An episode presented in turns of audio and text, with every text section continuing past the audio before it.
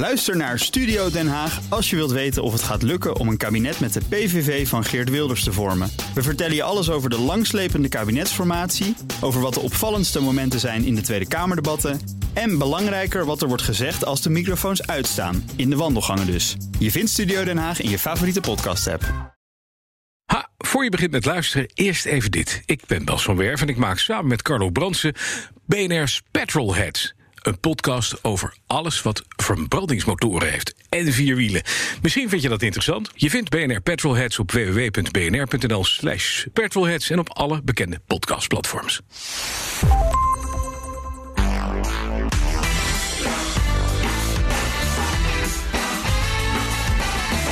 Welkom bij de Ben Tichelaar podcast bij BNR, de wekelijkse podcast over persoonlijk leiderschap.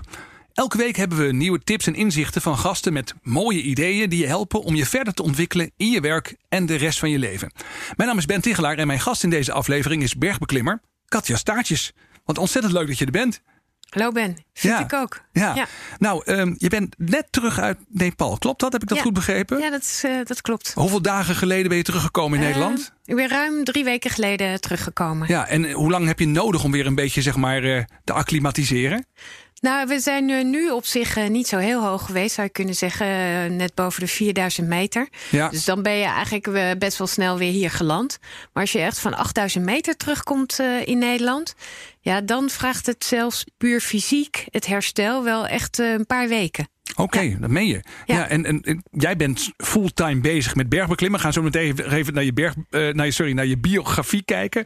Maar je bent getrouwd met Henk, die ook altijd meeklimt, heb ik begrepen. Maar die moet gewoon weer aan het werk daarna. Hoe gaat dat dan? Ja, nee, wij, wij klimmen inderdaad samen sinds, uh, sinds 2000. Ja. En ik ben inderdaad uh, zelfstandig. Dus ik ben degene die uh, onze expedities echt organiseert. de funding regelt, de organisatie, communicatie. Ik, ik, ik leef deels van mijn, van mijn lezingen, het spreken daarover. Ja. En Henk werkt als monteur, elektri als elektricien voor het spoor. Belangrijk, ja. de energievoorziening, de bovenleidingen. De bovenleidingen, ja. Ja, en inderdaad, dus als hij terugkomt na een aantal dagen... gaat hij gaat hij weer aan het werk en gaat zelfs soms de nachtdiensten in en natuurlijk de storingsdiensten. Zo. Maar daardoor heeft hij juist ook extra de mogelijkheid om, uh, om extra dagen op te bouwen. En heeft een werkgever die uh, tot nu toe altijd heel erg heeft meegedacht. Ja. En dus uh, kunnen wij van tijd tot tijd weg. Bijzonder, ja. Wat een ook bijzonder partnership wat jullie dan met elkaar hebben. Zeker, is een behoorlijke huwelijkstest. Ja, precies. Zeg, uh, je bent de eerste Nederlandse vrouw die de top van de Mount Everest bereikte. Even checken, klopt dat? Ja, dat uh, klopt. Zo, ja. wanneer was dat? Dat was uh, op Hemelvaartsdag 1999, op 13 mei. Wauw, dat, maar ja, dat, dat staat in je geheugen gegrift. De ja, datum alles erbij natuurlijk, dat ja, snap ik. vooral Ja, natuurlijk heel bijzonder. Op Hemelvaartsdag op het hoogste punt van de aarde staan. Ja, precies. En ja. ik stond daar zelfs even alleen. Dat was helemaal bizar. Ja, ja, ja, bijzonder zeg. Uh, wat veel mensen misschien niet van jou weten, is dat je aan de uh, Landbouwuniversiteit Wageningen hebt gestudeerd, levensmiddelentechnologie. Dat je aan topsport hebt gedaan ook in die tijd, atletiek. Wat Ja. was het? Uh, vooral rennen dan of andere dingen? Nee, het was eh, ja, wel een paar uur per dag eh, trainde ik inderdaad. Ja. Eh, en ik was ook actief bestuurlijk bij de, de- bij de atletiekvereniging in Wageningen, studentenatletiekvereniging. En ik was ook best wel fanatiek in mijn studie. Ja. En ehm, logistiek in combinatie inderdaad met levensmiddelentechnologie. En Wageningen was voor mij echt een geweldige plek om te studeren. Ja. Ik hou niet zo van de stad, daar zit je echt buiten. En ook natuurlijk om hard te lopen en te fietsen. Fantastische omgeving. Ja, en een toonaangevende universiteit in de wereld. Zeker, Ja. zeker. Zeg, en eh, daarna heb je gewerkt op allerlei plekken, onder meer in allerlei managementfuncties bij Campina Melkunie. Maar je bent vooral natuurlijk bekend geworden als bergbeklimmer. En daarnaast, je zei het net al eventjes, je schrijft daar boeken over, je geeft lezingen, doet theatertours. Op allerlei manieren eh, deel je je lessen ook weer. En grappig is, dat zag ik, je bent nu ook weer eh, ja, actief eigenlijk als, als trainer en coach voor managers en hun teams op het gebied van leiderschap en samenwerken. Ja. Ja. Ja, ja ik heb, eh, nou, toen ik in 99 Everest beklom, werd ik, eh, was de eerste Nederlandse vrouw, werd ik onmiddellijk gevraagd om lezingen daarover te geven.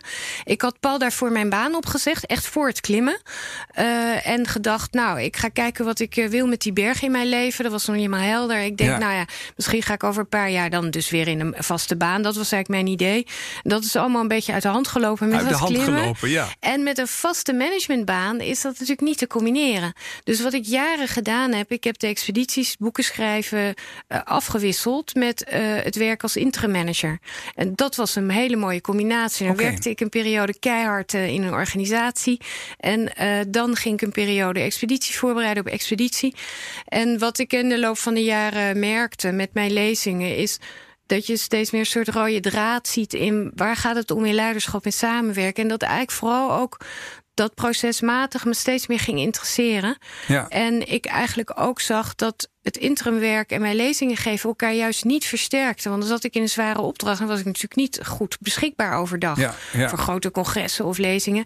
En vanuit de training en coaching versterkt dat elkaar wel. En eigenlijk ook al vanuit mijn managementverleden was altijd het people management had altijd mijn interesse. Ja, wat ik wel heel interessant vind, je zegt het versterkt elkaar niet, maar dan bedoel je natuurlijk vooral qua tijd, qua, qua agenda. Tijd. Want het feit natuurlijk, er zijn wel meer topsporters die spreken over management en over leiderschap, maar dat zijn niet altijd mensen die zelf ook in leiderschapsfuncties of in managementfuncties hebben gewerkt. En nee. jij hebt natuurlijk wel dat, af, dat afwisselen is wel heel interessant. Zeker. En dat, ja. en dat uh, maakt denk ik ook wel dat ik. Ik word bij heel veel gevraagd vanuit uh, mensen die mijn, mijn verhaal al gehoord hebben. Ja. En ik, ik denk inderdaad wel, ik, ik ben goed in staat om het echt te linken aan de praktijk, omdat ik zelf in de praktijk gezeten heb. Ja, je kunt je nog een klein beetje voorstellen hoe dat is om een keer een nacht wakker te liggen van een team dat niet mee wil werken en dat soort dingen. Ja, ja. of een reorganisatie of allerlei processen of, uh, of een middelmanagement die overal tussenin gesqueezed wordt natuurlijk. Ja, precies. Ja, uh, ja. En, en ik heb zelf fusies, uh, fusies meegemaakt, uitgebreid vanuit de praktijk.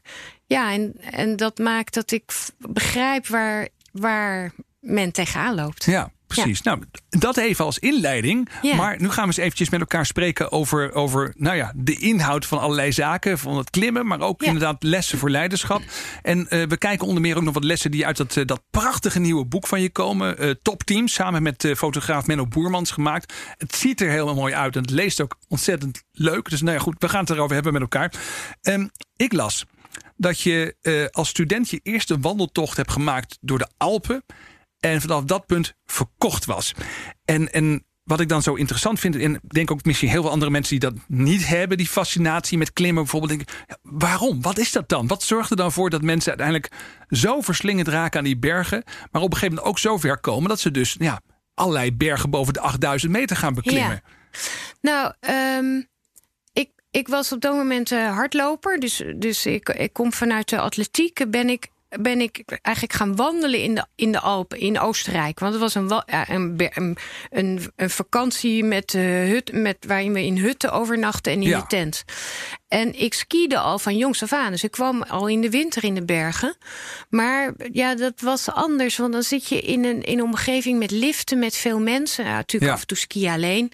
Maar uh, wat ik zo geweldig vond aan die, aan die bergtocht was dat wij daar als, met, als viertal liepen, alleen in die bergen, de uitzichten, de stilte. Ja. En wat ik ook merkte was op de ene manier door dat lopen, dat aarde, je verbindt je heel snel met elkaar. Je kunt heel goed een gesprek hebben. Ja, natuurlijk niet als het pad lastig is, maar, als je op een gegeven moment even naast elkaar loopt. En wat ik merkte was dat ik uh, eigenlijk eindelijk misschien wel de rust had om te reflecteren op dingen. Ik ben heel druk, ik ben een workaholic. en eigenlijk kom ik daar nooit toe. Ja. En hardlopen helpt me daar ook bij. Maar wat ik eigenlijk merkte met dat lopen, dat je, je een hele dag loopt, dat is zich dan ook gewoon geschikte momenten aandienen. In het team en ook om zelf over dingen na te denken. Dus het was voor mij echt een openbaring. Het grappige is, je zegt, ik was een workaholic. Ik ging wandelen, kwam door wandelen tot rust. En de berg kwam ik tot rust. Maar daar heb je dan vervolgens nu weer je werk van gemaakt. Ja, ja, nou, ja zo, eigenlijk dat wandelen is, is dus steeds een stapje verder gegaan. Je komt op een gletsjer, je bent aan het wandelen. Je komt op een gletsjer, je ziet mensen met touwen en een pikkel. En denk je, goh, dan ga je een stukje die gletsjer op. Maar op een gegeven moment zijn er allemaal gletsjerspleten. Ja, dat lukt toch niet? Nou, dan ben ik een cursus gaan doen. Nog een cursus, steeds wat hoger, steeds wat verder. Ja. Een keer naar de Himalaya. En toen bleek dat ik goed tegen de hoogte kon. Ja. Nou, weer wat hoger. En toen voor het eerst naar 8000 meter bleek dat me dat goed afging. En zo ben ik uiteindelijk naar Everest gegaan. Dus ik, ik zag op die eerste top van 8000 meter de Everest liggen. Ja. 50 kilometer verderop. En toen dacht ik voor het eerst, misschien zou ik dat kunnen. En dus het is echt stap voor stap gegaan. Maar daarvoor had ik wel al mijn baan opgezegd. Ja. Dus ik heb daar wel echt... Uh, ik, ja, ik, ik heb, de, heb de moed om keuzes te maken. Dat is denk ik wel Ja, belangrijk. Maar, maar ook wel fascinerend dat dat dus een soort stapsgewijze Ja. eh, ambitie is geworden. Dat het niet zeg Ja. maar dat je zegt als jong meisje droomde ik er al van Nee. om op de top van de Mount Everest te staan of zo. Ik ben eh, misschien wel. Ik, nee, ik ben inderdaad niet iemand van heel ver weg in grote, lange termijnbeelden. Ik ben echt iemand. Ik zet mezelf een doel, stel mezelf een doel en daarna pas komt het volgende doel. Ook bijvoorbeeld in mijn interimopdrachten. Ik ging, ga vol in zo'n opdracht. En ik ben totaal niet bezig met of er daarna nog een andere. Ik kan, me daar, ik kan daar ook. Dat werkt bij mij niet. Maar ik doe één ding vol en Ja. pas daarna komt de volgende stap. Is er tijdens die momenten van reflectie en dat klimmen, zijn er dan ook dingen waarvan je zegt, die heb ik me toen gerealiseerd en dat heeft ook echt wel een impact gehad op hoe ik functioneer? Deze podcast gaat over persoonlijk leiderschap, gaat toch ook vaak over de vraag van hoe leid ik mezelf, hoe maak ik zelf keuzes? Is er bij jou ook zo'n soort moment aan te wijzen of een les aan te wijzen waarvan je zegt, nou dat heeft mij toch wel echt eh, op een ander spoor gezet bijvoorbeeld? Eh, ja, wat ik, eh, wat ik echt gemerkt heb met vooral die hoge bergen beklimmen. En natuurlijk, je weet het eigenlijk wel, maar daar ben ik er echt gewoon tegenaan gelopen. Is dat je op de top pas halverwege bent. Ja. En de meeste ongelukken gebeuren ook niet voor niks in de afdaling. Oh, dat is waar. Ik had, ik, had dat, ik had dat wel eens gehoord. Ik dacht, misschien is dat wel helemaal niet waar. Maar dat is dus echt waar. Tijdens de afdaling gebeuren de meeste ongelukken. Ja, en dat heeft eh, verschillende redenen. Eh, dat heeft als eerste de reden dat eh, klimmers heel moe zijn. Je, Ja. je, de, de lucht is heel ijl. Dus dat, dat vreet energie. Ehm, en in die, je, je denkt, ik, ik heb het gehaald. En dus je, je bent misschien ook wat minder geconcentreerd. Daarnaast ga je met de zwaartekracht mee. Dus Ja. net als je de trap afgaat, val je sneller dan dat je de trap oploopt. Ja. Ehm, eh, en daarnaast op 8000 meter moet je eigenlijk 8 liter per dag drinken. Om niet uit te drogen. Nou, dat doet natuurlijk niemand in zo'n beklimming, want die duurt Ja. vaak wel 15 tot 20 uur. Dus je bent totaal uitgedroogd. Je hebt nauwelijks wat gegeten. Want je spijsvertering doet het niet door de ijle lucht. Je hebt ook geen tijd en geen mogelijkheid met dikke wanten om wat te eten. Dus je bent gewoon echt kapot als je gaat afdalen. Ja. En dus als je niet oplet, heb je te veel energie verbruikt. En je moet dus gewoon telkens in je achterhoofd houden. Ik, ik, op de top moet ik nog de energie hebben om naar beneden te kunnen Ja. gaan. En pas natuurlijk als je veilig terug bent. En ben is, je en, er. en, en is dat iets wat je dus ook kunt vertellen naar, laten we zeggen, het dagelijkse leven gewoon op, op eh, nul meter hoogte hier in Nederland op de grond? Ja, zeker wel. Want ik, natuurlijk, eigenlijk weet iedereen het wel. Maar wat ik me toen eigenlijk meer ben gaan realiseren, is dat ook in grote processen in organisatie, bijvoorbeeld een reorganisatie of Ja. eh, het bedenken van een nieuw product eh, of het eh, bouwen van een fabriek. Je bent er natuurlijk niet als die fabriek er staat. Je bent er pas als die producten echt uit Ja. die fabriek komen en we- eh, het werkt voor de klant. Met de reorganisatie ben je er ook niet door het af te kondigen als, als, als directie, als management. Nee, je bent er pas als het werkt. En hetzelfde met fusies. Ja. Hoe vaak hoor je nu niet... Er wordt een fusie bedacht. Er worden allerlei plannen over besparingen. Weet ik wel, daar voordelen. En in hoe, hoe vaak is het niet zo dat het in de praktijk niet zo werkt? Of, of de aandacht verslapt, weet je? Ja. Iedereen dus je denkt, zou kunnen zeggen, dat is een soort mijlpaal die je ook bij, bij gewone projecten in het Ja. werk vindt. En die ene mijlpaal, daar, daar, daar focussen we op. Ja. En wat erna komt, nou ja, dan hoop je maar dat het als het ware vanzelf gaat. En dat gaat niet vanzelf. Nee, dat gaat niet vanzelf. En, en ook geldt natuurlijk bij het bedenken van iets, of, of in de sales en de marketing. Dat is vaak heel aantrekkelijk. Je roept het. Ja. Maar om het te doen, dat vraagt natuurlijk wel wat anders. En bovendien, heel vaak is de aandacht dan verslapt. Want we hebben het al verkondigd, het is getekend, het is ontworpen. Maar dan komt de discipline. We zijn al aanbeland bij jouw specialiteit. Hè? Je zou kunnen zeggen, de ervaringen die je in het klimmen opdoet, koppelen aan leiderschap en ook aan samenwerken. En dat ook ja, zeg maar doseren aan mensen, daarover vertellen, daarover schrijven. Een van de dingen die ik zag in eh, dat boek Top Teams, eh, is dat je zegt dat als je leider bent of leidinggevende, is het essentieel om positiviteit uit te stralen. En ik dacht, daar ben ik wel heel benieuwd naar. Wa- Waarom is dat, waarom is dat nou zo'n element wat jij eruit haalt, wat je graag wilt delen? Ja. Omdat ik eh, eh, daar juist heel veel over heb geleerd. Vooral door er zelf tegenaan te lopen. Eh, ik denk dat zelfkennis echt de basis is van persoonlijk leiderschap. Ja. Steeds beter met je eigen beperkingen om weten te gaan. Nou, als ik naar mezelf kijk, ik ben een perfectionist. Ja. Dus ik heb ik zie het glas half leeg. Ik zou het graag half vol willen zien, maar ik zie het toch echt half leeg. Want ik zie gewoon aan alles wat ik doe of wat er gebeurt, denk ik, hoe had het beter gekund? Hoe kan het nog beter? Nou, Henk, mijn man, ziet het half vol. En daar vullen we elkaar mooi aan. Maar uh, wat met dat halve glas vol, dat krijg ik niet veranderd. Maar wat ik natuurlijk wel kan veranderen, is dat ik daar op een andere manier mee om kan gaan. En om een voorbeeld te noemen. Uh, we zitten in een hele lastige situatie in een beklimming. Het is slecht weer. We hebben een hele lastige route. We hebben de verkeerde keus genomen qua route. We zijn rechtsom een ijsblok gegaan. En pas drie uur later komen we erachter dat het niet goed is. We zijn weer teruggekomen. En dan heb ik de neiging om in die lastige omstandigheden te gaan roepen. Nou jongens, uh, uh, als we nou eens linksom waren gegaan, dan, dan was dit allemaal niet gebeurd. Ja. En allemaal waar, allemaal zinvol, allemaal weten we voor de volgende keer. Maar het heeft geen zin dat ik het ga zeggen. En inmiddels ben ik daar nu echt een aantal keer tegen aangelopen dat dat niet werkt. Dat ik dat zeg, maar dat dat geen goede uitwerking heeft. En weet ik gewoon, ik zie het half leeg, ik denk het, maar ik moet mijn mond houden. Ik moet mijn zelfbeheersing bewaren. En ja, door dat geleerd te hebben, denk ik, uh, zeker als leider, als expeditieleider ja, is dat belangrijk om uh, de rest juist te stimuleren en niet te benadrukken wat niet goed ging.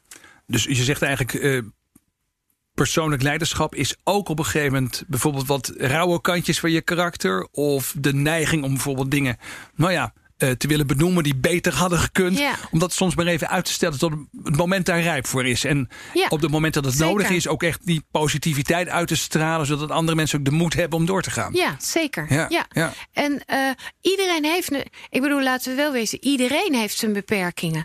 En daar loop je juist tegenaan als je tegen je grenzen aanloopt. En dat is eigenlijk, vind ik, het mooie en ook het krachtige en pure van het klimmen. Is iedereen loopt tegen zijn grenzen aan. Ja. Dus je loopt tegen jezelf op, maar ook tegen elkaar. En dat betekent dus dat er natuurlijk confrontaties zijn. En dat brengt ons bij dat onderwerp samenwerken. Ik zag een hoofdstuk eh, op een gegeven moment voorbij komen. Iets van een kopje ruzie in de tent. Ja. Je zit uh, heel dicht op elkaar bij zo'n beklimming. Uh, je geeft terecht ook al aan. Hè, eh, je staat allemaal onder druk. Het is spannend. Je hebt met heel veel ook lichamelijke uh, ja, druk zou je kunnen zeggen, uitputting en dat soort dingen te maken. En dan, dan is er dus inderdaad ook wel eens sprake van nou ja, kortere lontjes. Absoluut. herkenbaar denk ik ook, zeg maar, wanneer je in het bedrijfsleven of bij een andere organisatie met elkaar samenwerkt. De druk is groot, er is stress. Hoe ga je daarmee om? Wat zijn lessen die je daarin hebt geleerd? Uh, nou, uh, inderdaad, dat gebeurt, ruzie in de tent. En dat is niet, want dat wordt nog wel eens gedacht, omdat klimmers ruziezoekers zijn, allemaal grote ego's. Nee, dat is omdat het zo ingewikkeld is omdat je last hebt van die ijle lucht, omdat je in extreme omstandigheden, omdat we 13 uur geklommen hebben en uh, uren bezig zijn geweest om de tent op te zetten. En wat ik daarin heb geleerd is dat het als eerste begint bij incasseren. Bij okay. uh, incasseren, accepteren dat je elkaar irriteert. Accepteren dat die ander iets doet wat jou niet bevalt. Of dat je zelf even ontploft. En uiteindelijk uh, toch um, ja, je weten aan te passen aan de ander. Of inderdaad uh, zorgen dat het niet verder explodeert. Uh, ook al heeft die ander, is die even ontploft, maar om daar niet zelf ook tegen in te gaan. Maar en dus- eigenlijk zeg je ook, je weet al dat dat gaat komen. Ja, je, weet al dat het gaat komen. Dus bereid je daar, daar maar gewoon op voor. En, en, Houd er rekening mee. Precies. En denk dan na, hoe ga je daar dan toch productief mee om? Ja. Wat is jouw truc als je nou op een gegeven moment met. Uh, collega-klimmers of met je man Henk, zeg maar, uh, op een gegeven moment merkt van nou de irritaties beginnen op te lopen. Wat doe jij dan om dat, nou ja, om te deescaleren, zeg maar ja. zeggen? Um, nou, ik, ja, ik, ik bijt wel zeg maar echt op mijn tong. Dat ik echt denk, en nu wil ik dit zeggen, maar ik, ik, ik weet inmiddels gewoon, ik moet het niet doen. Ja. En toch echt denken aan uh, relativeren. Denken, dit komt door de hoogte. Want ook er ontstaan zelfs gedragsveranderingen door de ijle lucht. Of dit komt er dat we allemaal kapot zijn. Dit is niet uh, zoals het echt is. Dit is nu even op dit lastige moment. En ook denken van nou, ik laat het gaan. Of ik denk, uh, uh, daar moeten we het in het basiskamp nog maar eens over hebben. Ja. Of ik denk, als bijvoorbeeld soms met Henk iets is... nou, daar moeten we het thuis nog maar eens ooit over hebben. Ooit, ja, Eh, precies. Of, het, of, het, of het verloopt gewoon. Het, het Ja. is, is Maar dus eigenlijk, eigenlijk als leidinggevende of als collega betekent dat eh, in, in even een bedrijfs- of een organisatiesituatie dat je op een gegeven moment denkt: oké, dat is niet mijn collega die hier spreekt, maar het is de stress die aan het woord Ja, is. precies. Of, of dan gaan we Ja. het later bij een evaluatiemoment wel eens een keer over Zeker. hebben, maar niet nu. Ja. Ja. Ik, eh, en inderdaad, in een lastige beklimming of in zo'n lastig moment in een storm in de tent heeft het geen zin om, eh, om elkaar feedback te gaan geven of het te gaan escaleren. Hetzelfde geldt natuurlijk bijvoorbeeld, ik noem maar wat, hè, in een- bij een open hartoperatie. Ja. Ja, ik bedoel, ik kan wel denken, dit gaat niet goed, maar eh, feedback geven dan eh, in het team heeft geen zin. Dus nee, inderdaad, goede moment. Kiezen Ja. en, doseren, geduld hebben soms. Soms kom ik lessen dan ook tegen. Ik heb een paar dingen natuurlijk van jou beluisterd van tevoren, eh, wat interviews bekeken. En op een gegeven moment kom ik iets tegen dat je, dat je zei van ja, het, klinkt zo obvious, maar ik vond het zo, zo ja, wel een echte eye-opener. Dat, dat ehm, in heel veel bedrijven zijn collega's soms allemaal verschillende bergen aan het beklimmen. En ik dacht van ja, dat is een hele mooie metafoor. Dat is natuurlijk wel Ja. waar. Want als, als, als je een klimexpeditie met elkaar gaat ondernemen, is één ding duidelijk, lijkt me zo. En je weet in ieder geval welke berg je samen opgaat. Ja. Maar er zijn natuurlijk ontzettend veel organisaties. Maar als je gaat kijken aan welk doel wordt hier nou eigenlijk precies gewerkt, dat mensen allemaal hun eigen Ja. doelen hebben. Ja, en daar begint het natuurlijk allemaal. En bij een traject begint het bij... heb je werkelijk hetzelfde voor ogen? En inderdaad, dan begint het bij... ben je überhaupt op diezelfde berg aan het klimmen? Ja. En als dat dan zo is, hè, want dat, dat is al de eerste start... Heb je, heb je, is die top die je dan voor ogen hebt ook wel echt hetzelfde punt? Want als je heel vaak, als je daar ook met een team echt op door gaat praten... Ja. dan blijkt dat iedereen het net iets... Oh, bedoel jij het zo? Oh, ik had het eigenlijk zo geïnterpreteerd. Of iedereen heeft er zijn eigen idee bij. Ja. Het is belangrijk om daarop door te praten. Want als je namelijk niet datzelfde punt voor ogen hebt... is het natuurlijk ook heel lastig om daar samen naartoe te gaan. En Ja. Laat staan om het samen te realiseren. Ja, en, en dan is het interessant. Iedereen denkt altijd bij bergbeklimmers van het gaat er dus eigenlijk om dat je die top eh, bereikt. Maar ik las ook dat je wel eens een keer vlak voor de top bent omgedraaid. Maar ook dat je bijvoorbeeld, eh, als je sponsoren hebt, dat je geen bonus wilt voor het bereiken van die top. Dan moet je even uitleggen. Want bedoel, iedereen denkt, eh Katja Staartjes wil maar één ding. Die wil naar de top van die berg. En dan natuurlijk daarna weer veilig terug. Maar je zegt, soms zijn er dus situaties waarin je dat eh, maar beter niet kunt doen. En ook wil je jezelf niet eigenlijk laten dwingen om per se naar die Nee. top te gaan door zo'n bonus. Nee, klopt. Ja, natuurlijk. Het mooiste is dat je de top bereikt als team en, en weer goed, goed beneden komt. Eh, maar zeker op 8000 meter geldt, die laatste meters worden, worden steeds lastiger. Je zit dan, zoals dat heet, in de zone des doods. Boven de 7500 meter kun je nog überhaupt maar een paar dagen in leven blijven, want er is gewoon te weinig zuurstof. Dus elke meter die hoger klimt, wordt het leven lastiger. Nou, ik heb eh, een aantal keer zijn wij omgekeerd. Bijvoorbeeld één keer was 300 meter onder de top. Eh, dat had te maken met een teamgenoot die onderkoeld raakte. En eh, uiteindelijk ja, realiseerde ik me, of eigenlijk kon ik me helemaal niet meer op de top focussen. Want de conclusie was: die hele top is niet belangrijk meer. Het gaat nog maar om één ding: het gaat om de afdaling. Eh, wij kwamen goed beneden. Eh, een andere keer keerden we 30 meter onder de top om.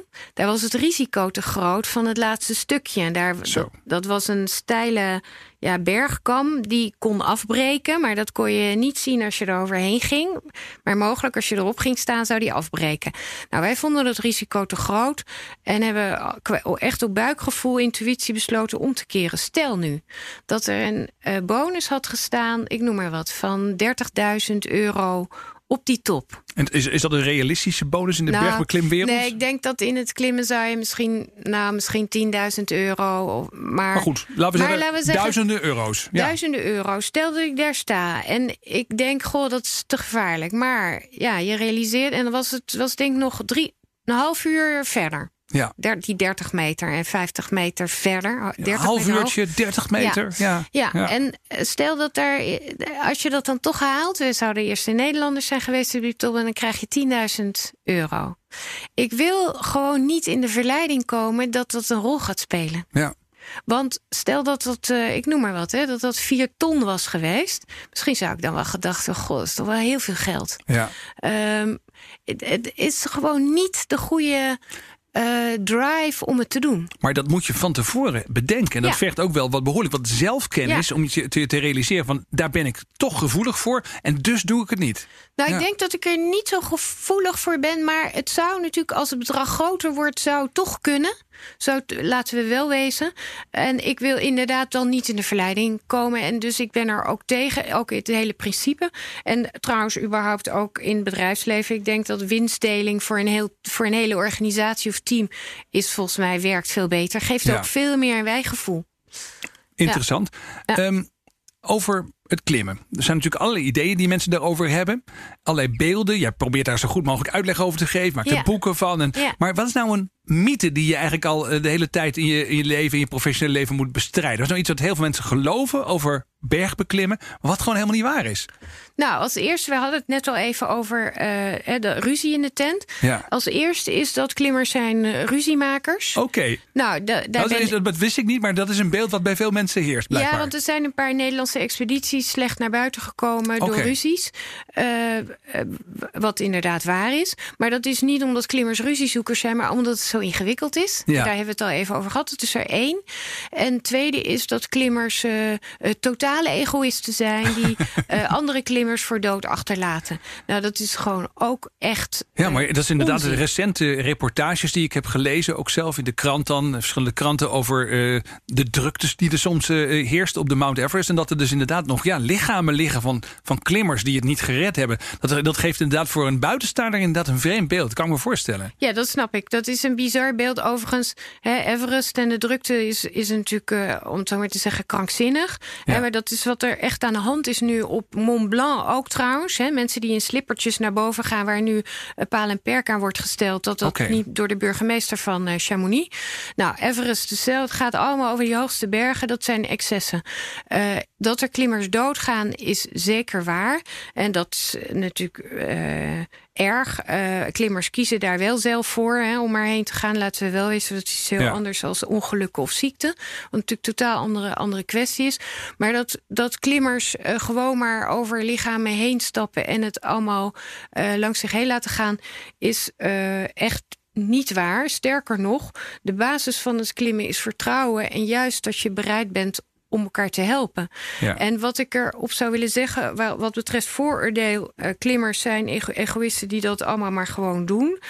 Het is heel makkelijk oordelen, maar op het moment dat jij nooit op 8000 meter bent geweest, heb je werkelijk geen idee wat daar aan de hand is boven met je lichaam. Want Ja. je, bent, je functioneert zo slecht dat het dus ook heel erg lastig wordt om elkaar te helpen. Dus dat is het eerste wat je moet realiseren.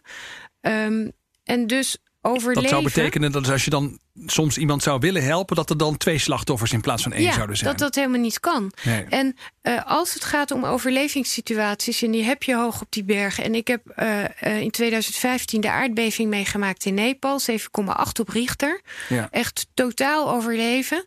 Je weet gewoon niet hoe jij daarop reageert als je zoiets nooit hebt meegemaakt. En dus mensen kunnen daar gewoon, die alleen maar hier op zeeniveau zijn geweest, of op 4 of 5 of 6.000 meter, kunnen hebben er geen idee van. Ik heb begrepen dat jouw reactie destijds op die aardbeving was dat jullie de expeditie hebben onderbroken en, en zijn gaan helpen. En je bent nu ook, begreep ik, eh goodwill ambassadeur van Nepal Ja. richting Nederland. Hè? Dat, heeft, dat, is, Ja. dat komt daar allemaal vandaan. Ja, zeker. Ja, het was eh, zo duidelijk. 7,8 op Richter. Er zijn 9000 mensen overleden in Nepal. Er was zoveel schade. Ja. Ja. die hele expeditie, waar gaat het over, zeg maar? Dat was echt helemaal niet aan de orde dat we überhaupt... eh, dat was zoiets onbenulligs, om het zo maar te zeggen.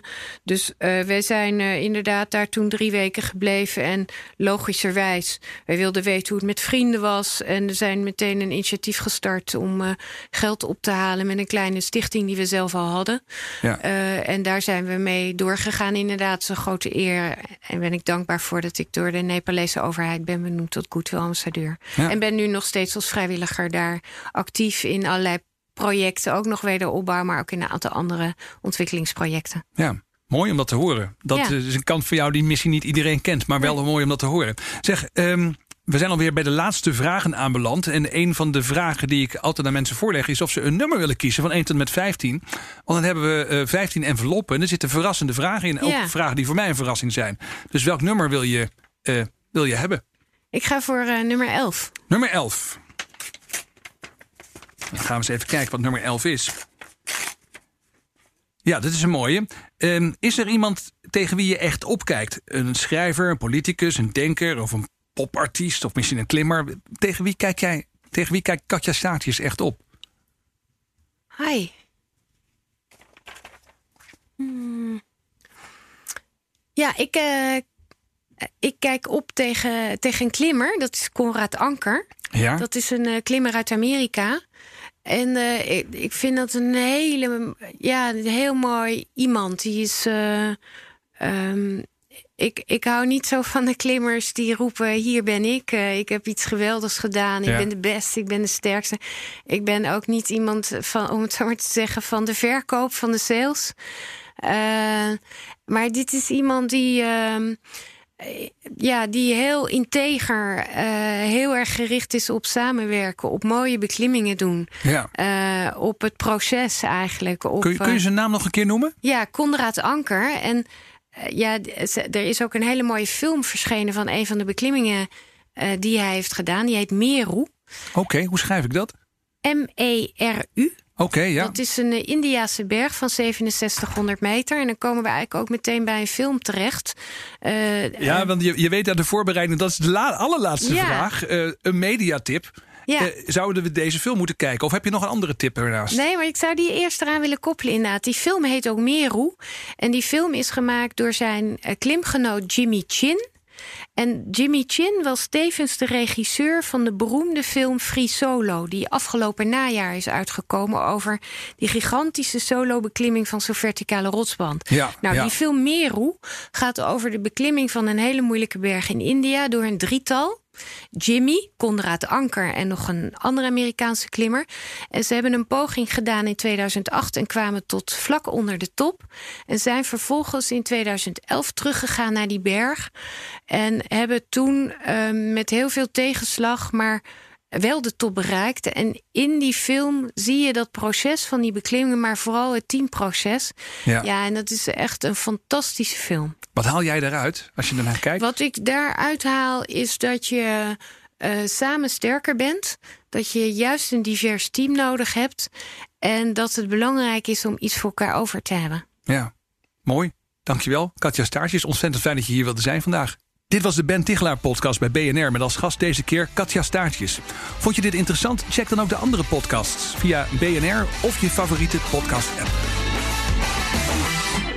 Hey, hey, heb je nog zin leuk? in nog een Dan podcast? wil je misschien nog een ik podcast. ben Van den Burg en mijn ik maak met mijn grote vriend Herbert Blankenstein Ben de technoloog. Aan de overkant een maak ik de podcast over technologie Dat en een impact van podcast technologie op onze samenleving. Dat zou je dus ook interessant kunnen Je vinden. vindt de technoloog Je vindt de technoloog op bnr.nl slash podcast slash de streepje technoloog en op alle andere bekende podcastplatforms.